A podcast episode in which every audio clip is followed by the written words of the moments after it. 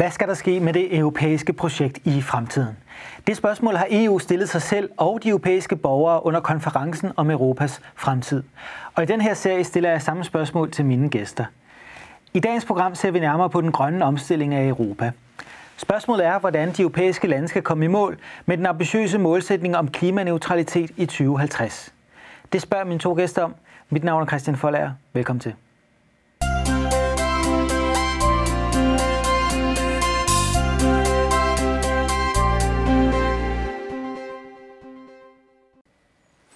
Og også velkommen til mine to gæster.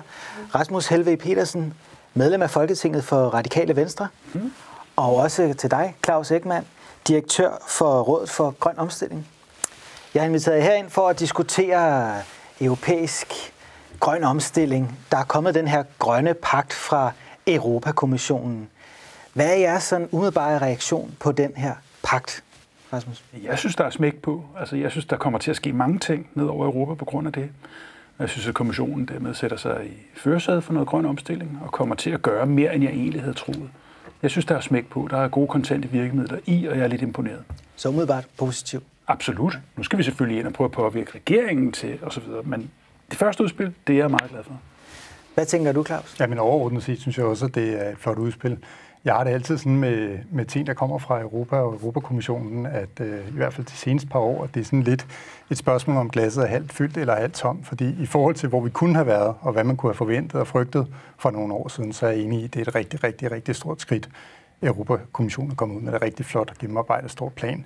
Øh, men hvis man så skal kigge på det halvt tomme glas, så, øh, så er det jo ikke helt godt nok. Der er rigtig mange steder, hvor vi godt kunne trænge til noget mere, øh, en større indsats, større ambitioner, både i forhold til klimaet, men også i forhold til mange af de miljødagsordner, som, øh, som, som den grønne deal her, den øh, adresserer og det kommer vi øh, helt sikkert ind på her i, i, i løbet af programmet. Hvis vi skal tage det helt fra, fra toppen. Det overordnede mål i den grønne pagt, det er klimaneutralitet i senest 2050. Så har man sat et øh, delmål i 2030 om 55 procents reduktion i forhold til niveauet i 1990, altså for udledningen af CO2.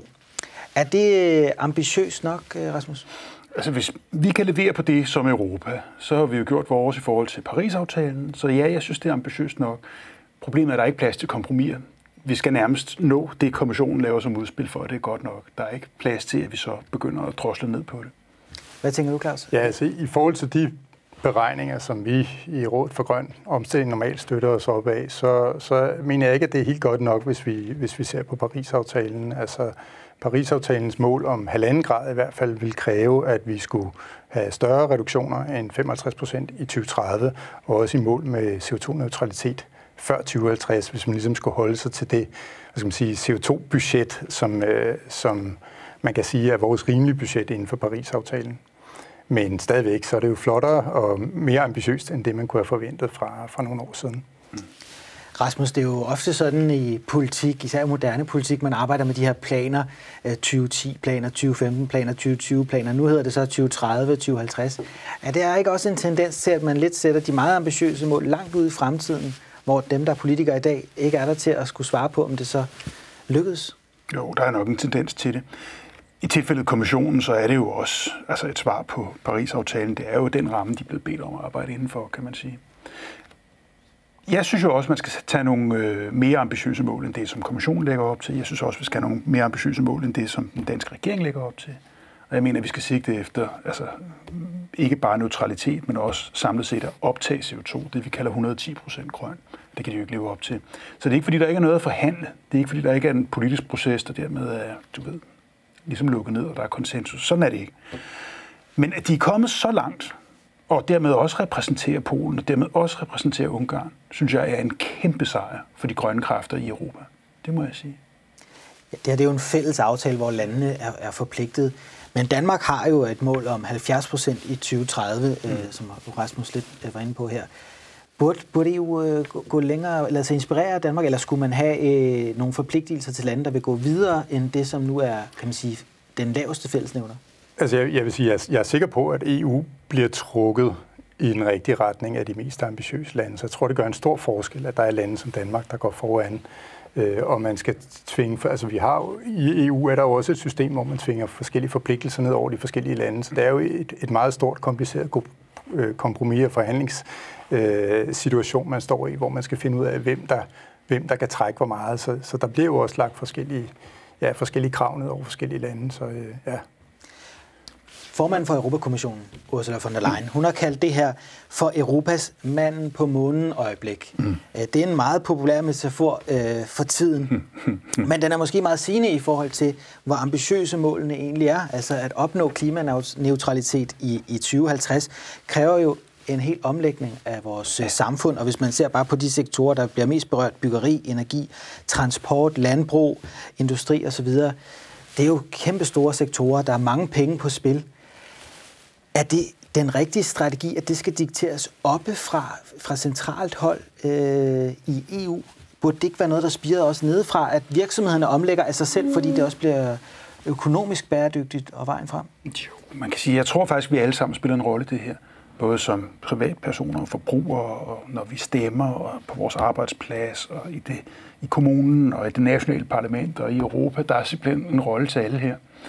Det kommissionen kan ved at sætte den her ramme for 27 lande på én gang, det er også, om man så må sige, bestille noget teknologiudvikling. Og det er der, at sammenligningen med månelandingen, synes jeg, er på sin plads. Fordi kommissionen går ind og siger, at vi ved det her, vi kommer til at sætte ressourcer bag ved det, og vi kommer til at lægge så meget skat på CO2, så det eksisterende er umuligt. Og så ser markedet det. Så retter de ind efter det. Et eksempel i en dansk kontekst fra for nylig, det var, at vi besluttede at lave en energiø, altså 10 gigawatt vindmøllestrøm på en ø ude i Nordsøen. Og nu er der så, efter at vi har fået meldt til markedet, der kommer altså en hel masse grøn strøm, så er der altså to store fabrikker, der vil lave strøm om til flydende brændstof, der har sagt, at de vil etablere sig i Esbjerg. Det vil sige, at der kommer et politisk signal om en hensigt, vi har tænkt os at gøre. Markedet reagerer bagefter med nogle beslutninger om, at hov, det vil jeg etablere mig i, det vil jeg prøve at lave penge på. Så det der med at komme fra, fra toppen og sende et meget stærkt signal og sætte en ramme, udløser altså både noget handling og noget teknologiudvikling fra markedet. Så jeg synes, det er den rigtige måde også. Altså, der skal også komme noget fra toppen, men der skal også komme noget fra bunden. Så en kombi, kan man sige, af politik og markedsøkonomi? Ja, og faktisk også mere end det. Politik, markedsøkonomi, forbrugerhandling, øh, næsten alle de, jeg håber også, at kulturlivet vil være med. Altså, vi har simpelthen brug for, i så stor en omvæltning det her er, at adressere alting. Holdninger, kultur, den måde vi taler om det på, den meget hårde økonomi, beregningerne, the works. Hvordan ser du på det, Claus? Du arbejder jo rigtig meget med den grønne omstilling ja. i Rådet for Grøn Omstilling.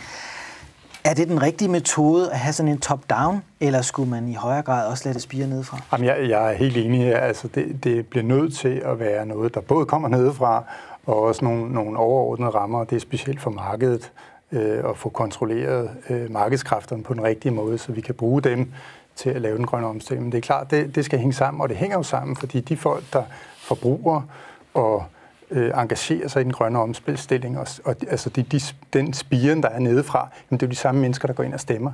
Det er dem, der efterspørger de politiske løsninger. Det er dem, der siger, nu skal vi have øh, så og så mange vindmøller, og nu skal vi spare på energien, og nu skal vi gøre det bedre. Og det er jo de signaler, som politikerne de samler op og bruger i deres valgkampe, og nu vil jeg ikke sige alle tilfælde, men i hvert fald nogle tilfælde, øh, ender med at, at leve op til de løfter, de giver. Ikke? Så jeg, jeg, jeg ser det også som en helhed, og jeg, jeg synes, det er helt rigtigt, den måde, øh, EU griber det an på. Øh, der er selvfølgelig mange ting, man, man kan kritisere, men det her med, at du går ind og sætter nogle krav, Altså, der, der er rigtig mange gode eksempler i EU-politik på, at man går ind og sætter nogle krav til, hvor god vaskemaskinen skal være, og den ikke, altså, der er også noget forbrugerbeskyttelse, men der er også en hel masse grønt i det, som gør, at virksomhederne de bliver bare nødt til at levere det, der bliver bedt om, ikke? Og, og biler med lavere CO2-emissioner og lavere luftforurening. Og der har EU jo, hvis man ser historisk på det, virkelig været med til at presse den grønne omstilling. Så kan man efterspørge, at den skal presses yderligere, og det, det vil jeg gerne snakke rigtig meget om. Men, men man skal, mm, der er ikke nogen tvivl om, at EU har spillet en enorm stor rolle i at få presset europæiske og også, også øh, virksomheder uden for Europa mm. til at få leveret nogle mere grønne, øh, nogle grønnere produkter. Simpelthen. Så EU kan sætte nogle standarder, som ja. så bliver øh, dikterende for markedet. Ja. Øh, og ikke bare markedet i Europa. Ja, præcis. Også uden for Europa. Det er i hvert fald det argument, man også ofte bruger fra EU's side. Rasmus, hvis vi nu prøver at, at dykke ned i nogle af de her sektorer. Hvis vi tager transporten. Mm. Øh, det er cirka 25 procent af EU's øh, samlede udledninger, og vi har set, at udledninger i den sektor har været stigende. Altså, der er stigende mobilitet i Europa. Mm. Der er meget varehandel på tværs af landene osv. Der har man et konkret mål om 0% udledning fra nye biler fra 2035. Mm. Altså det vil sige, at man må ikke i Europa efter 2035 købe en bil, der udleder CO2. Du må ikke producere en bil. Ja, producere en bil. Okay. Jeg tror godt, du kan købe en veteranbil. Ja, ja, ja, ikke på den ja, ja. måde Du ikke- et ikke- du kan ikke købe- Du kan ikke købe en ny bil. Nej. Øh, Er det, er det, synes du, det er okay over for, for borgerne også? Altså, der kun er elbiler. Ja, I meget høj grad, Ja. ja. absolut. Vi kan ikke byde os selv eller klimaet i uendelighed at have benzinmotorer eller dieselmotorer. De skal selvfølgelig væk. Og teknologien er der, så man vil kunne gøre det før 35. Og der er vi så ude i en af de der med, hov, det, her, det er vildt, og det er ambitiøst, og det er revolutionært, men det kunne faktisk godt være endnu hurtigere. Ja. Men ja, jeg er fuldstændig enig i, at benzinbilens tid, øh, den render ud. Der vil komme et tidspunkt i din og min levetid, hvor man ikke længere kan gå ned og købe en benzinbil, og sådan skal det også være. Det er jo ikke mange år frem i tiden, faktisk. Altså, øh, Nej. 14 år fra nu. Nej, men altså, jeg tror folk vil opleve, når de begynder at køre i elbil, at det faktisk er en bedre bil. Så jeg tror, at tabet mest vil være sådan nostalgisk. Men det vil ikke være, fordi folk får dårligere biler ud af det. Nej. Tværtimod. Altså, jeg synes personligt, at elbiler er bedre biler. De er simplere, lettere at vedligeholde, de kører hurtigere, de larmer ikke lige så meget. Og så har man fornøjelsen af at vide, at man ikke øh, er i gang med at ødelægge øh, altså, jordens fremtid øh, ved at køre i den. Det er der altså ret meget på én gang. Formentlig bliver den også i løbet af kort tid billigere end en benzinbil, fordi den simpelthen er lettere at lave. Så altså, hvad er det problemet er? Hvad er det folk er kede af ved det? Jeg kan simpelthen ikke tage det helt alvorligt, at det skulle være et problem, at man siger farvel til benzinbiler, når det vi sætter i stedet for er noget bedre. Den diskussion kan man måske have med folk, der siger, jeg elsker oksekød. Hvorfor må jeg ikke spise det mere? For det er rigtigt, det må I ikke i fremtiden på samme måde, som gør det nu. Men køre bil, om du kører med den ene eller den anden drivmiddel, det kan skidt at være lige meget. Det må vi lige høre, Claus. Altså, Claus, 0% udledning fra nye biler. Hvis vi så el, elbiler, et af problemerne er jo opladningstiden. Altså, det må vel have en negativ effekt på den økonomiske vækst, hvis man har mindre mobilitet. Jeg, jeg, jeg tror ikke, der bliver mindre mobilitet. Altså, der kommer også alle mulige løsninger, hvor vi bliver bedre til at dele bilerne, og måske skal vi i det hele taget ikke køre så meget i biler hver især øh, enkeltpersoner. Men jeg, jeg synes, at det også er det helt rigtige at gøre, og jeg synes, det er en kæmpe sejr, at Europa går ud og siger 2035. Man kunne godt have håbet på 2030, men sådan som tingene stod, så synes jeg, at det er en enorm stor sejr, at kommissionen går ud og siger 35, der skal det være slut. Og jeg er helt enig, det er bedre biler, vi får, og hvis det ikke allerede er det i dag, det afhænger lidt af ens kørselsmønster, så bliver det billigere biler. Altså hvis du ser på bilens levetid, øh, en elbil er meget, meget lettere at vedligeholde. Den har ikke gearkasse, den har ikke... Øh, jamen, der er en masse, nu er jeg ikke bilekspert, men der er en masse elementer i bilen, som, øh, som ikke kan gå i stykker. Og det har jo faktisk været en af de helt store problemer for EU i forhold til at omstille det her, at bilproducenterne tjener rigtig, rigtig mange penge på det, de kalder eftersalg. Altså de reservedele, der bliver solgt til bilerne. Og den, den indkomststrøm, den, den får de ikke i fremtiden, når vi går over på elbiler. Så for for forbrugerne er det, er det, er det en win-win, 100 procent. Hvis vi nu tager en anden af de store syndere, så er det jo øh, luftfart. Der er ikke helt lige så skrappe mål. Øh, der er et øh, mål om, at man skal have CO2-prissætning for luftfartssektoren, som hidtil har været undtaget. Men altså ikke en omstilling til en elektrificeret øh, luftfart. Er det for uambitiøst så, i forhold til øh, at omstille til grøn? Altså man kan sige, den diskussion, vi lige havde om elbiler, det handler jo om at erstatte en bil med en bil, når folk kan det samme. Du kan ikke i dag erstatte en flyver med en flyver, der kan det samme, men er grøn. Så der har vi simpelthen en teknologisk efterslæb. Øh, jeg synes, det der med at sætte prisen rigtigt, det er fuldstændig rigtigt. For det betyder, at det du trods alt kan gøre, det vil sige altså at lave øh, flybrændstoffer på blandt andet elektricitet og eventuelt opfanget CO2 fra skorstenen. Øh, at det kan ikke betale sig i dag. Men det kommissionen lægger op til, det er jo altså at gøre det dyrere at bruge det forurenende brændsel. Og det vil give en kæmpe fordel for de nye grønne brændsler. Så jeg synes, det er en rigtig måde at gøre det på. Og igen, jeg må sige, jeg kan genkende virkelighedens verden i det, kommissionen laver her. Og hvis man bare havde sagt slut med fly, jamen så ville du jo altså, efterlade et kæmpe spørgsmålstegn. Hov, jamen hvad skal vi så? Her der gør du noget andet. Du siger, det må ikke i fremtiden være så billigt at flyve og forurene, som det er i dag. Det skal koste meget mere. Og så vil der være plads, tror jeg, til at markedet kan levere nogle nye løsninger. Det må vi se. Øh, en anden sektor, det er landbruget. Der har man også en lang række målsætninger frem mod 2030, men altså ikke noget med at afskaffe kødspisning. Øh, derimod er der, at man skal have 25 procent af landbruget skal være økologisk i EU i 2030. Man vil reducere brugen af pesticider med 50 procent, reducere brugen af gødning med 20 procent og reducere tab af næringsstoffer med mindst 50 procent og ikke mindst reducere madspild med 50 procent inden 2030. Men derved adresserer man jo ikke, kan man sige, selve kødproduktionen og mange af de ting, der virkelig udleder CO2. Så er det øh, ambitiøst nok, øh, Claus? Ej, altså, jeg, øh, nu, er det, nu er, det, øh, er de ikke kommet så langt med de konkrete elementer i, i, i landbrugspolitikken, så det er også måske svært at dømme det på nuværende tidspunkt. Jeg synes, det er nogle fine overskrifter, nogle fine ambitioner, de er kommet til, til at starte med øh, i forhold til, hvad man har, kunne forventet. Men, men jeg er enig i det her med, at man, at man fra EU's side, og måske også i, i dansk politik, har svært ved at gribe fat i de der øh, mere principielle spørgsmål, om vi skal flyve så meget, om vi skal spise så meget kød. Så bliver der snakket om, at vi skal sætte nogle afgifter på, der kan styre markedet. Men, men diskussionen er der ikke helt på, på det niveau, som jeg havde håbet på. Øh, man kan sige, EU de gør jo sådan noget, fordi de har en delstrategi, der hedder øh, Farm to Fork, hvor de også går ind og kigger på på, øh, på næringsindholdet øh, i det her mad og sundhed osv. Og, så videre. og der er jo rigtig mange elementer der, der faktisk øh, flugter meget godt med en grøn dagsorden. Altså det er faktisk sundere at spise grønt, end, end, at, spise, øh, end at spise for meget animalsk. Ikke?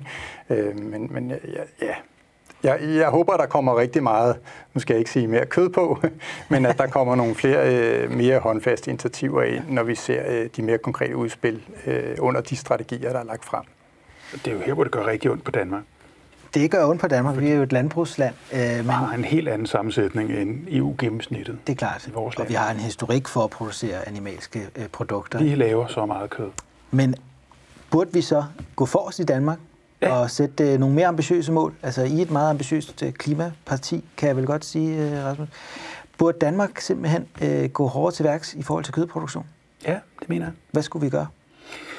Jamen altså, vi skal jo, synes jeg, tage en principbeslutning om, at vi vil have et landbrug, der i ringere grad baserer sig på kød og i højere grad på planter. Og så skal vi se, hvordan vi kommer den vej. Og det vil sige, at det starter med beslutningen. Så må man se på, hvordan man så får det rullet ud i praksis. Men det vi laver lige nu, det er jo, altså vi importerer soja fra Brasilien, som vi så fodrer svin med, og hvorefter vi eksporterer kød. Så det er ikke dansk ernæring, der kommer ud af det her. Det eneste, vi har tilbage efter de grise, vi har eksporteret, det er jo altså et gødningsproblem. Øhm, og jeg synes ikke, det er tilfredsstillende. Og jeg tror sådan set, der er en højere værdi i at have et bedre landbrug. Så jeg synes måske, man skal styre landbruget over i højværdi. Jeg vil må fortælle, at det hollandske landbrug, hvor de jo altså dyrker på et mindre areal end Danmark, i kroner og øre er 5-7 gange så meget værd som det danske. Fordi de laver ting med en højere værditilvækst end altså bolkkød, som det hedder. Altså kød i store mængder, der er fuldstændig ens. Så egentlig så vil jeg helst prøve at se, om man kan styre landmændene hen i nogle af de der andre segmenter, hvor de laver noget, som faktisk er mere værd, men ikke lige så skadeligt. Men er det så ikke også et stort politisk indgreb i landmændenes ret til at drive landbrug, som de nu ønsker? Jo, øh, det er det, men jeg synes også, et indgreb over for folks ret til at forurene så meget, som de gør, er på sin plads. Og hvad skal de landmænd? Skal de stadig være landmænd, eller skal der være nogen, der helt ja, går ud af vejret? Nej, nej. Altså, der er jo ikke ret mange landmænd tilbage i Danmark. Man siger, der er 5.000 fuldtids landbrug tilbage i Danmark. Det er virkelig ikke ret mange folk, der er nær, altså primært som landmænd i dag. Og jeg vil da håbe, de bliver der, men det er bare ikke svineproduktion. Jeg håber, at det i fremtiden bliver noget, som er langt mere både værdifuldt og skånsomt for natur, miljø og klima, der kommer ud af det danske landbrug. Hvad kunne du ønske dig, der skete med, med landbruget, Claus, i EU?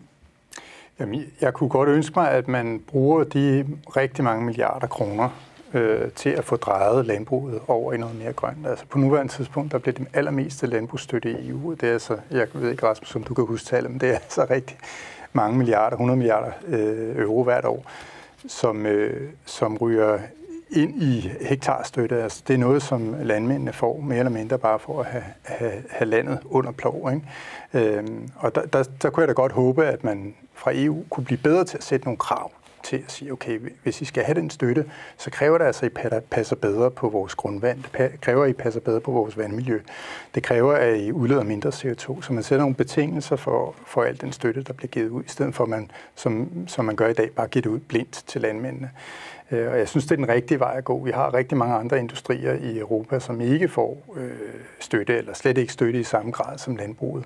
Så hvorfor er det ikke, at vi øh, bruger alle de penge til ligesom at få hjulpet dem over til noget, altså hjælpe dem til at udvikle noget teknologi og sætte nogle krav, så de bevæger sig i den retning, som vi ønsker, hvor vi kan opretholde et, øh, et rent grundvand og et rent øh, landmiljø, øh, vandmiljø i, øh, i farvandene, og det er jo også øh, et land som Danmark, noget der betyder rigtig meget, og, øh, og også øh, selvfølgelig på klimaområdet, at vi sørger for, at landmænd udleder. Det er en rigtig, rigtig stor del af CO2-udledningerne fra Europa, der kommer fra landbrugssektoren. Så brug midlerne øh, bedre, end vi gør i dag. Der er, nok, der er nok penge i det i hvert fald. Ja. Når vi taler landbrug og mere økologi, færre pesticider, så er der jo nok mange derude, der vil tænke, jamen så bliver det også dyrere. Altså økologiske produkter er dyrere end konventionelle produkter. Skal det være dyrere at være europæer, Rasmus? Altså nogle af de meget billige produktionsformer, mener jeg ikke, vi har råd til at opretholde i længden. Nej, så europæerne skal betale mere for mad? Jeg ved ikke, om det bliver sådan ud fra en gennemsnitsbetragtning, men jeg synes, at de billigste og mest skadelige ting, som er på markedet i dag, de, de er for billige og for skadelige. Så ja, så der er noget af det, der ja. skal op i pris, helt sikkert. Du frygter ikke øh, en gentagelse af de gule veste? Et oprør mod øh, stigende priser, højere leveomkostninger? Tingene går flere veje. Det er jo ikke... Hvis priserne kommer til at stige et sted, håber de kommer til at falde et andet. Og det du for eksempel hører her, det er jo, at elbiler formentlig i fremtiden bliver billigere end benzinbiler. Så det er ikke alt i den grønne omstilling, der bliver dyrere, der er også noget, der vil blive billigere.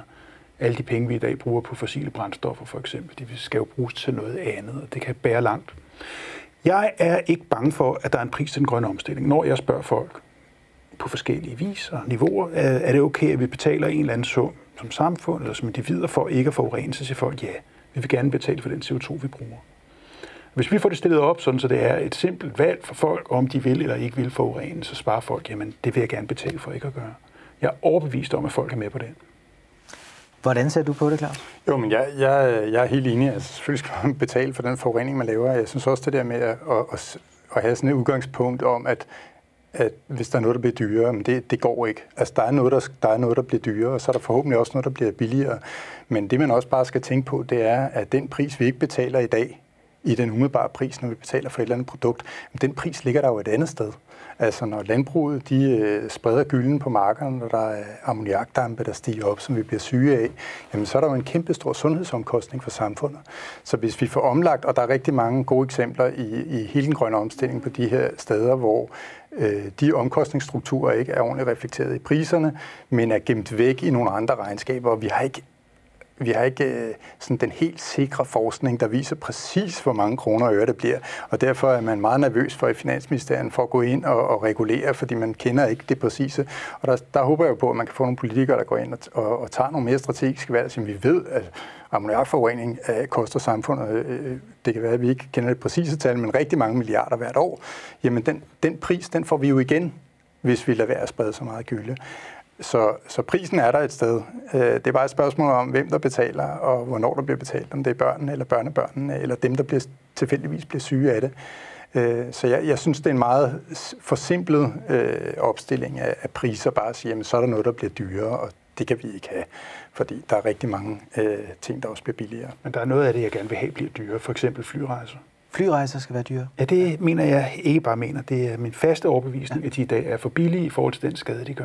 Men der har EU jo så ikke øh, noget mål andet end... Øh, altså, der er ikke nogen ekstra omkostninger på flytransport for alvor. Altså, der er ikke sat gebyr i EU's øh, udspil. Nej, altså, de siger dog, at man skal på et tidspunkt betale den pris, som det er reelt. Altså, det vil sige, der kommer en, en kvotepris på et eller andet tidspunkt på ja. flybrændstof, som kommer til at, at, at, at hæve, håber jeg.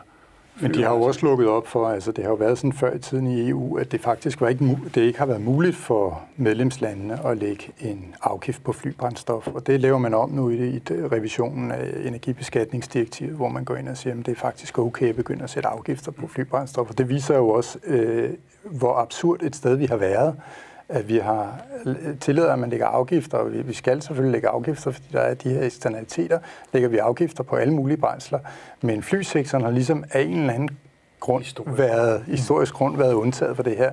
Og der kan man sige, det kunne godt være, at vi kunne ønske, at EU havde gået endnu længere, men her får de i hvert fald rettet op på nogle af de, de store problemer, der har været øh, historisk. Hvis vi ser på den helt store øh, sektor, så er det selvfølgelig energisektoren. Ja. Altså hvordan vi producerer og forbruger energi. Det udleder rigtig mange drivhusgasser. Og der har man jo så også et mål om at opnå klimaneutralitet. Mm. Det kan virke langt væk, øh, 2050, øh, men det er jo lige om lidt i forhold til vores energisystemer. Der skal laves store investeringer. Er I sikre på, at man kan komme i mål i et Europa, der er fattig på sol, øh, og ikke, hvor vinden ikke altid blæser? Altså, hvad skal vi så satse på ud over det? Jeg er stensikker på, at vi kan komme i mål. Med, med sol og vind? Med en kombination af forskellige ting. Jeg tror stadigvæk, der vil være brug for at afbrænde biomasse, for eksempel. Og så er der jo folk, der har vandkraft, der er også folk, der vil holde fast i atomkraft, der vil måske komme bølgekraft, hvad ved jeg. Så det vil være et mix af alle mulige energiformer. Kan I acceptere atomkraft i de radikale? Vi vil ikke have dansk atomkraft. Nej. Men der er jo altså atomkraft i det europæiske strømmix i dag, så det må man jo acceptere. Det er der jo. Men nej, vi er ikke tilhængere af atomkraft. Hvordan ser I på det? I jamen, jamen jeg, jeg, er, jeg er også overbevist om, at energisektoren, den kan vi sagtens sagt, den, den kan vi godt omstille. Jeg tror faktisk, det er meget lettere at, at komme i nul på CO2-kontoen der, end det er på landbrugssektoren for eksempel.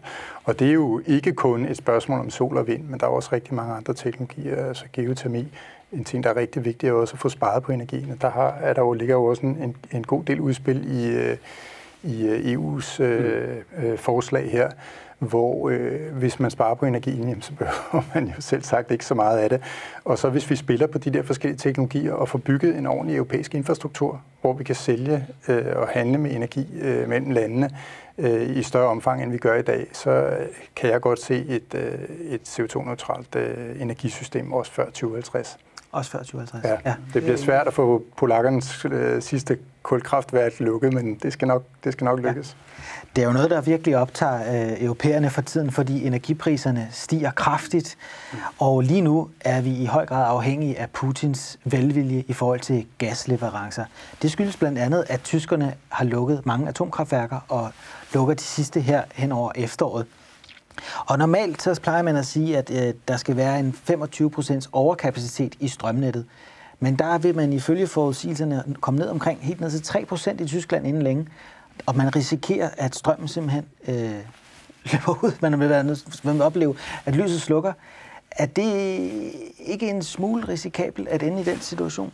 Kan det ikke blive et tilbageslag for den grønne omstilling, at borgerne måske lige om lidt oplever mangel på strøm, øh, strømafbrydelser? Altså, et fuldstændig totalt gennemfossilt energisystem, som de har det i USA, er jo ramt af rullende blackouts. Altså de der strømafbrydelser, det er dårlig planlægning, det er ikke et spørgsmål om energikilden. Det må jeg sige. Og der har vi i Danmark i øvrigt, tror jeg, verdens højeste energisikkerhed, det vil sige færrest nede minutter per år, fordi vi har investeret løbende i det. Hvis vi investerer i en ordentlig energisektor, så får vi ikke de der nedetider. Det er i, gennem al den tid, vi har stillet vindmøller op, hvor vi har passeret den ene milepæl efter den anden, først så havde vi 5% vindmøllestrøm i nettet, og så 10, og så 20, og så 30. Folk har hele tiden sagt, nu kan der ikke komme mere vindmøllestrøm ind i nettet, så kollapser det hele. Det har aldrig holdt stik. Det er lykkedes indtil nu at holde et balanceret net. Vi har den højeste andel af grøn strøm i vores net, og vi har den laveste nedetid i forhold til energiforsyning. Så hvis tyskerne nu kommer til at opleve blackouts på grund af, at de tager atomkraftblokke ud, så er det altså ikke, fordi det ikke kan lade sig gøre med grøn strøm, så er det, fordi de har en dårlig planlægning. Det er dårlig planlægning? Ja, det er det. Ja. Hvordan ser du på det? Jamen, det er jeg helt enig i, øh, og jeg tror faktisk, at, at hvis vi ser ind i fremtiden, at det vil blive endnu øh, at der er endnu bedre muligheder for at få balanceret energisystemet, fordi vi jo får elbiler ind, vi får elektrificeret øh, flere sektorer, end vi har i dag. Så elsystemet bliver ryggraden i vores energisystem.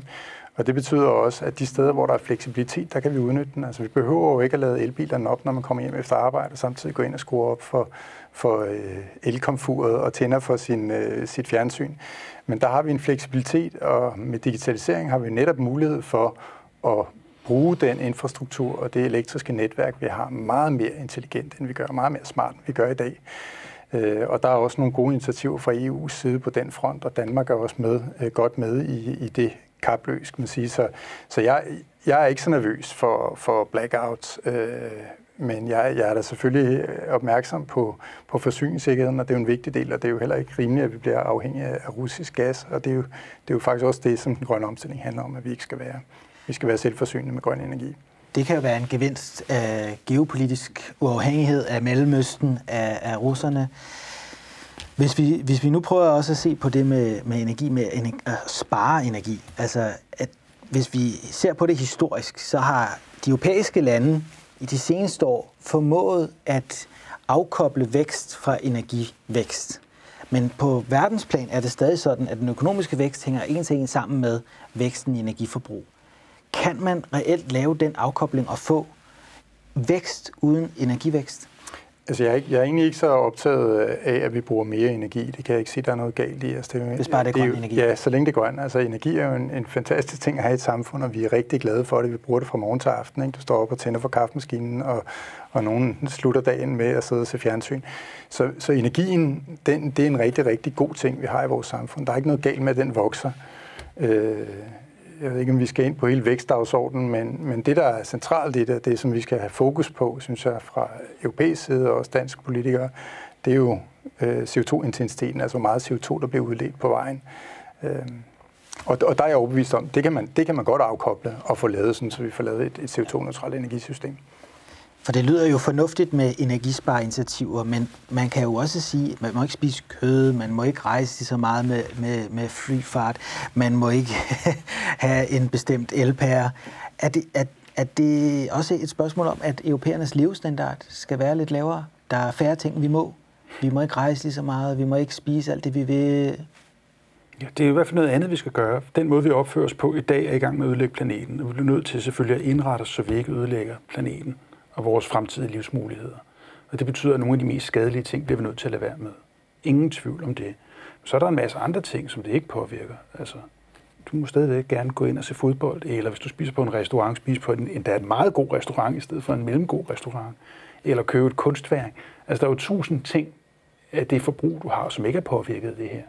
Og hvor man så kan, må man bare lægge sine værdier et andet sted, end på de ting, som er klimaskadelige.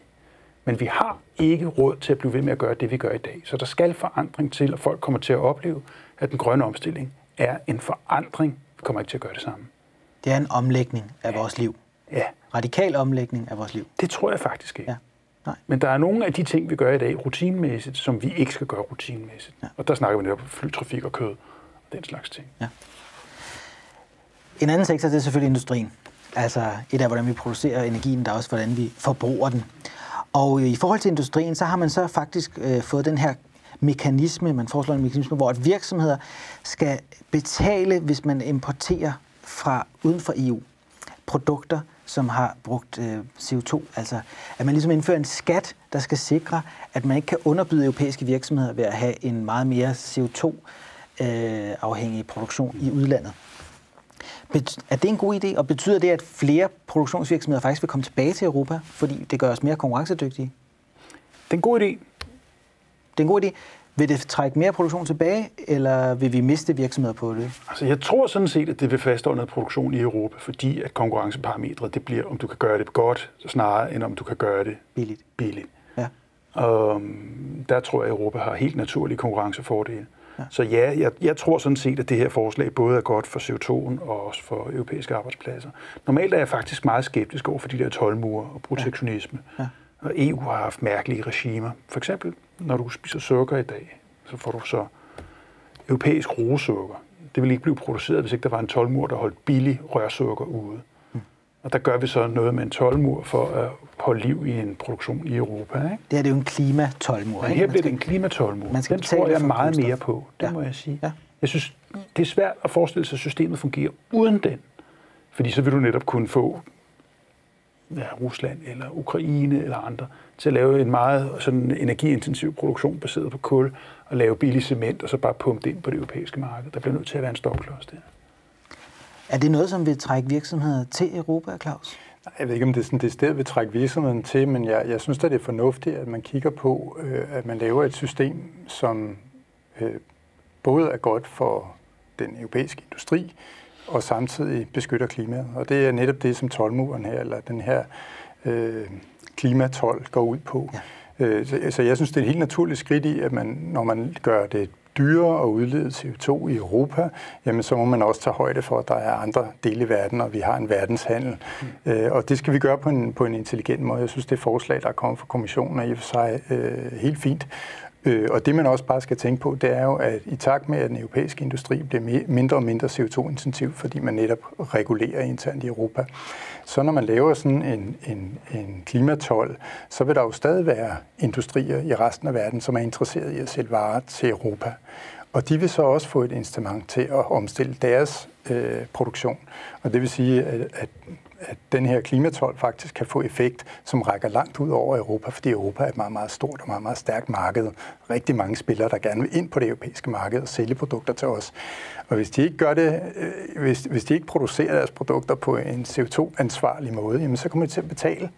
Og, øh, og det tror jeg kan være med til at drive omstillingen i, i Kina og USA og alle de andre store øh, øh, regioner, der, der eksporterer til Europa. Men man kan sige, at en ting er at have, have fokus på virksomhederne og, og muligheden for at få arbejdspladser. Noget andet er selvfølgelig øh, forbrugerne. De vil vel opleve stigende priser også af et sådan initiativ. Altså vi kan ikke få de samme billige varer fra Asien, øh, fordi der kommer den her 12 klimatol? Ja, altså klimatollen den er jo lagt op på en måde, så det er, det er nogle meget, til at starte med i hvert fald, nogle meget få produktgrupper, hvor det er ret simpelt at beregne, hvad CO2-intensiteten er. Så det bliver sådan noget som stål og glas og cement og sådan nogle ting. Ikke? Så jeg tror ikke, de her øh, sådan, hvad skal man sige, almindelige forbrugerprodukter, hvis du køber en computer eller et stykke tøj, at, at, øh, at du vil kunne se nogle mærkbare forskelle i prisen på, på grund af den CO2-toll. Altså der er, der er CO2-andelen eller CO2-prisen i, i prisen på det produkt er så lille, så det, det kommer ikke til at gøre nogen forskel. Er det en afkobling fra globaliseringen, øh, Rasmus? Altså, produktionen skal være mere lokal, vores forbrug skal være mere lokalt, vi skal leve mere lokalt, ikke rejse lige så meget? Jamen, det er jo det, jeg er lidt øh, selvfølgelig bekymret for, om det her i virkeligheden bare er protektionisme i grønne klæder. Ja. Og, øh, og det er det, jeg håber, det ikke bliver, og jeg håber også, at EU meget hurtigt øh, Øh, kan finde sammen med Bidens USA og forsøge at lave noget fælles der, sådan, så man ikke gør det som en blok mod de andre, men man gør det sammen nogle større blokke, sådan så det bliver en, en verden, vi påvirker, og ikke en verden i kamp. Øhm, fordi det vil, det, jeg har altid været meget skeptisk over for de der 12 og set masser af latterlige eksempler på protektionisme og, øh, og 12 gennem tiden. Den her kan jeg ikke se, at vi kan klare os uden og det er det der grønne hensyn, der er så vigtigt, så jeg tror, vi er nødt til det. Men det er ikke min livret. Den er jo også meget lettere at forklare ja. til kineserne og inderne og ja. indoneserne og hvem de vil ellers importere fra. Ja. Fordi der, der er en logik. Det, det, det handler ikke om at, at, at beskytte den europæiske øh, industri som sådan. I hvert fald ikke officielt. Det, nej, men det gør det. Det handler jo faktisk om klimaet, og, og, og logikken i Tolmo, og den måde, det er bygget op på, er jo faktisk logisk nok. Man kan sige, at der er måske nogle udfordringer i det, fordi man også rammer øh, eller potentielt kan ramme udviklingslande, øh, som vil have svært ved, altså, som er en situation, hvor deres, deres økonomier skal udvikles. Så det spiller ind i, i noget ulighed mellem landene og sådan noget, og det, og det er enormt kompliceret at gøre det på den rigtige måde, men, men, men der er noget logik i det, som jeg tror, at de fleste andre øh, lande også kan se og forhåbentlig forstå, at det ikke handler om økonomisk protektionisme af den europæiske industri. Og der er en vej udenom. Man kan bare lade være med at producere forurenende. Det er klart det er en mulighed. Ja. Øh, her til sidst vil jeg gerne prøve også at bevæge os ind på, om det her øh, vil kunne splitte EU endnu mere, øh, fordi det er rigtigt, at alle lande er kommet med i den her aftale, men der har været stor skepsis fra en række østeuropæiske lande, Polen især, men også Tjekkiet, Bulgarien og Rumænien. Og Polen mener ikke, at de kan opnå klimaneutralitet i 2050, fordi de stadig er meget afhængige af, af kul til deres øh, energiproduktion. Ser du for dig, at det her kan splitte EU på sigt, når vi når længere hen ad vejen mod klimaneutralitet, og valgene måske bliver mere, de får større og større konsekvenser? Ja, altså, jeg tror sådan set, at de klimaskeptiske østeuropæiske lande kommer med på vognen, og at de, når vi når frem til målet, så egentlig vil være meget godt tilfredse med det her. Altså det polske energisystem, som det er i dag, er jo altså dyrere end vores. De betaler meget mere for strømmen, fordi de skal finansiere de her folk, der går ned i giftige kulminer. Og i øvrigt har de den højeste luftforurening i Europa. Så altså, det er ikke nogen særlig god handel for polakkerne at holde fast i den kulindustri, de har lige nu. Det må jeg sige. Jeg har prøvet at sidde i øh, EU's ministerråd. Jeg kan huske en gang en uformel rådsmiddag, hvor jeg kommer i sidste øjeblik på grund af noget forsinkelse, og så ryger jeg ind ved det sidste ledige bord, der sidder så sammen med Polen og Bulgarien og Tjekkiet, og ja, men det var hele den der bande af de meget sorte lande, så vi snakket sammen hele vejen igennem. Det er altså et slagsmål, et politisk slagsmål, der vil noget, når man skal diskutere med de østeuropæiske lande. Men vi gør det jo inden for rammen af EU. Så der er ingen tvivl om, at det, her, det er en diskussion, eller en politisk forhandling eller kamp. Der er heller ingen tvivl om, at EU er en super plads at gøre det på. Og hvis ikke vi havde EU til at tage den her kamp, så ville Danmark jo ikke have nogen indflydelse overhovedet på Polens klimapolitik. Men det har vi nu. Så nej, jeg tror egentlig ikke, det splitter. Jeg tror, det er, bliver et, et, et tidspunkt, hvor EU for alvor kan bevise sit værd. Så det vil løfte alle ja. samlet flok? Ja, helt sikkert. På trods og så har vi påtaget os retten til at gå længere end den bund, vi sætter. Og derfor så hedder målet for Danmark ikke 55, som det gør for EU. Det hedder 70. Et spørgsmål i den sammenhæng kunne selvfølgelig være, om EU skulle gøre mere for at hjælpe de lande. De er jo ikke lige så økonomisk velstillede som de vesteuropæiske. Skulle vi investere mere? Kunne det gavne klimaet at løfte de lande? Ja, øh, ja men det gør man jo også. Altså, det gør man, men, altså, der, er jo rigtig mange, mere? der er jo rigtig mange penge, der går i den retning, og i den uh, Green Deal her, som EU er, er kommet med, der er der jo også Just Transition Fund, Præcis. så der bliver sat en, en rigtig stor pose penge af, netop til at tage hånd om de øh, industrier og sektorer og de mennesker, som, øh, som bliver ramt af den her omstilling. Vi skal jo lave nogle strukturelle omstillinger af vores, af vores, øh, af vores industri og de forskellige sektorer, og, og i det, der er der nogle mennesker, der kommer i klemme, og det synes jeg, EU har, har blik for i, i det udspil her. Siger, der er nogle mennesker, der skal hjælpes. Og det er i virkeligheden der, tror jeg, at den største udfordring ligger, for jeg er ikke bange for, at, at Europa bliver splittet på grund af klimaspørgsmålet. Øh, øh der kan være mange andre grunde til, at, at de europæiske lande falder fra. Men jeg tror egentlig ikke, det er det, der er det værste. Jeg tror, at øh, opsplitningen kommer, hvis man ikke sørger for, at den grønne omstilling bliver gjort på en rimelig måde, så vi ikke får øh, meget store uligheder, så vi ikke taber nogen på gulvet øh, i, på den her rejse. Øh, og der, der er i hvert fald et forslag og, og en opmærksomhed på det, og også en god del penge, som netop skal tage hånd om den udfordring.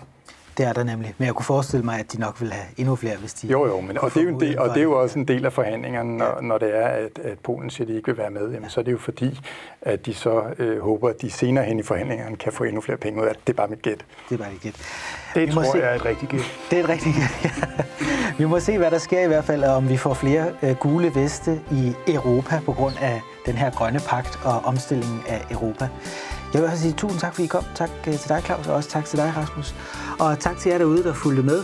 Husk, at vi snart er tilbage med et nyt afsnit om fremtidens Europa. thank you